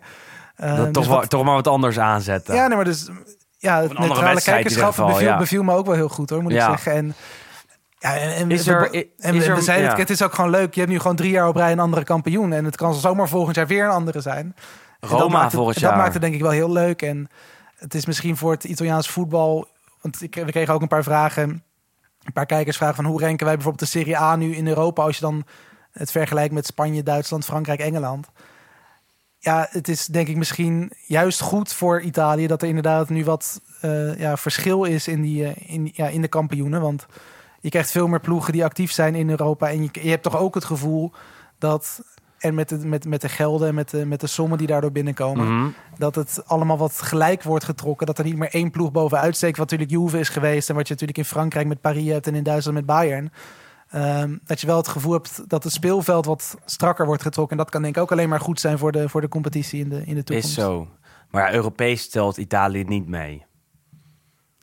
Echt Europees. Ja, we kunnen de Conference League finale noemen als een hoogtepunt. ja, Nou ja, kijk, maar dat is betreft, eigenlijk wel erg. Ja, ja. Ik bedoel, Nee, je hoopt toch op een Italiaanse ploeg in de halve finale of de finale van de Champions League. En dat hebben we nu alweer een tijd niet gezien. Eh, dus wat dat betreft hopen dat eh, Milan, Napoli, Juve of Inter volgend jaar toch kan verrassen op een of andere manier. Eh, ja, en dan zijn de ogen toch weer snel op Juve gericht. Als zij Di Maria en Pogba halen, hebben zij eh, spelers die eh, Europees gezien al hebben gepresteerd. Ik bedoel, een, een- wereldkampioen en iemand die- met Real de Champions League heeft gewonnen. Dan, ja, dan ga je toch een beetje naar hen kijken om, om Juve ook Europees, maar ook in Italië te laten presteren. Ehm, Wes, ja, het zit erop hè. het zit erop, hè? Ja, wij gaan zo meteen nog even de, de preview voor de eh, finale van de Conference League opnemen. Maar eh, ja, ik heb weer genoten dit jaar. Ja, Het was, Ja, eh, ja. het was een mooie, een mooie rollercoaster. ja dat zeker. Mooi clichématig. We hebben heel veel via internet opgenomen. Dat doen we volgend jaar hopelijk weer fysiek. Ehm, we gaan waarschijnlijk door, toch? Ja, ja, zeker. Kan dat Ja, ik zeggen? bedoel, nee, we gaan eh, zeker door. Ik wil ook gewoon nog een keer, want ja, ik wil dat Juve nog een keer kampioen wordt. Nee, En, eh, dat ik jij- hier gewoon mag, positief kan zijn over Juve, want dat is ook heel lang geleden. Jij stopt niet met Lo Stadio zolang Juve eh, geen kampioen Nee, dit is een beetje de Ibrahimovic-belofte. Zo is het, ja. ja. nou ja, die is nu kampioen en die gaat alsnog door. Dus ja, zelfs als Ja, Juve ik- ik heb mijn sigaar al klaar liggen. ja, ja, ja, ja, ja, precies. Ja, Sander Jongman zit natuurlijk met een sigaar in zijn mond vandaag de hele dag af te wachten totdat de podcastaflevering eh, online komt. Ja, maar we, hebben nog wel, want eh, ook belangrijk, hè? Want we hebben natuurlijk aan het begin van het seizoen. Oh, eigenlijk jezus, ja. Tijdens het jaar hebben we daar eigenlijk niet zo heel veel aandacht meer aan besteed. Maar we hebben natuurlijk gewoon de Los Stadio voorspeller gehad. Belangrijk, belangrijk. En Ik- je kon daar ook gewoon leuke dingen winnen. Hè? Je kon daar gewoon een shirt, eh, een shirt winnen. En Twee we hebben, eigenlijk. En we hebben dus iemand gevonden hè, die, die gewonnen heeft. Eh, Ik heb alles netjes bij elkaar opgeteld. En die winnaar die krijgt dus een, eh, een shirt. En dat is een, volgens mij een waardebon van Classic Soccer Jerseys. Absoluut. En En dat heerlijke en- prijs, toch? absoluut. Want dat zijn geweldige shirts. En uiteindelijk heb je het ook zelf verdiend. Want de winnaar, ik heb alles dus opgeteld. Het waren dus dingen, eh, kampioen, Champions League tickets, Europa Nou. League tickets, Conference League, degradanten. Dan ben je eh, prom- meestervoorspeller als je dat goed hebt allemaal. eh, de eerst ontslagen trainer, bekerwinnaar en dan alle MVP awards die de Serie A zelf ook heeft uitgedeeld. Ehm, uiteindelijk, ik weet eigenlijk niet eens hoeveel punten hij in totaal kon verdienen, best wel veel. Ja. Eh, ga ik nog even moeten Ik ga er nog de, even achteraan. maar de winnaar heeft er 100 en dat is meer dan iedereen, eh, ja, alle anderen. Eh, we hebben vorig jaar volgens mij hebben we nog moeten, kwam het aan op de beslissingsvraag. Dat was nu Mhm, niet nodig, want de winnaar is, drumroll please, Ruben Nap. Ruben Nap, gefeliciteerd. Meld je via Bij de ons. social media kanalen bij ons. Kan via Instagram, kan via Twitter, eh, kan via DM, kan via een mention gewoon. Dan eh, krijg jij de waardebon van eh, Classic Soccer Jerseys. En, ja, ik weet niet of jij alle deelnemers daar op een rijtje hebt, Wes. Want een Gaan van de even een- een deelnemers... tracking doen? Een tracking, die gaat... Een tracking? Die, een tracking, die krijgt een shirtje van Sydney van Hooijdonk. Ik Van, eh, van. Bologna. Je hebt volgens mij zo'n soort random Gaan we dat live selector doen? of zo. Ja, dat doen we gewoon. Ja, nou, dat doen we gewoon live. Dan, even eh, googlen de, hoe heet dat, number generator. Kijk. Dan zou ik dan even vol praten met een dankwoordje. Dan maken we daarna bekend wie eh Sydney van Hooijdonks eh, shirt krijgt. Een klein bedankje aan iedereen die de afgelopen jaren en ook dit jaar met ons heeft samengewerkt in deze podcast. Eh, ik denk aan iedereen bij FC Kikken, iedereen bij Friends of Sports. Ik denk aan Harmen Ridderbos, die nu al een tijdje onze podcast mixt en eh, monteert. Ik denk aan iedereen van jullie die heeft geluisterd en elke week mooie suggesties en mooie vragen had, eh, die we dan eh, behandelden in de podcast. En ik denk ook aan jou, Wesley, want nou ja, we zijn er volgend jaar dus weer. Maar ja, dit jaar toch weer een, een hele lading afleveringen gemaakt. Inmiddels zitten we er in totaal dus op meer dan 150. En eh, En dat is toch fantastisch. En ik denk aan jou, Eh, Willem. Ja, nou, dat zijn toch eh, altijd mooie, mooie Elke dingen, dag. hè? Dan begint, of tenminste, elke, el- ik denk niet elke dag. Elke week. Elke nou, dag, ik zou elke weer, dag, we elke dag, ik heb nu alweer zin in dinsdag om die podcastaflevering op te nemen. Absoluut. En eh, dan krijg je weer zo'n appje van me, kan je even een graphicje maken? Nou ja, dan... eh, Nou, dan doen we dat toch. Niks mis mee. Nee, Hey, ik heb dat nummer getrokken. Ja, vertel. Het was, we hadden namelijk 313 mensen, nee, 312 mensen die meededen. Eh, dus ik heb een nummertje getrokken tussen de, ja, de 1 en de 313. Eh, En ik kwam uit bij nummertje 215. ja. En dat is Milan van der Vleuten. Milan van der Vleuten, gefeliciteerd. Jij hebt het eh, shirt van eh Sidney van Hooijdonk eh, gewonnen van Bologna. Nou, ga er eh, achteraan. Stuur ons een bericht via Instagram of Twitter.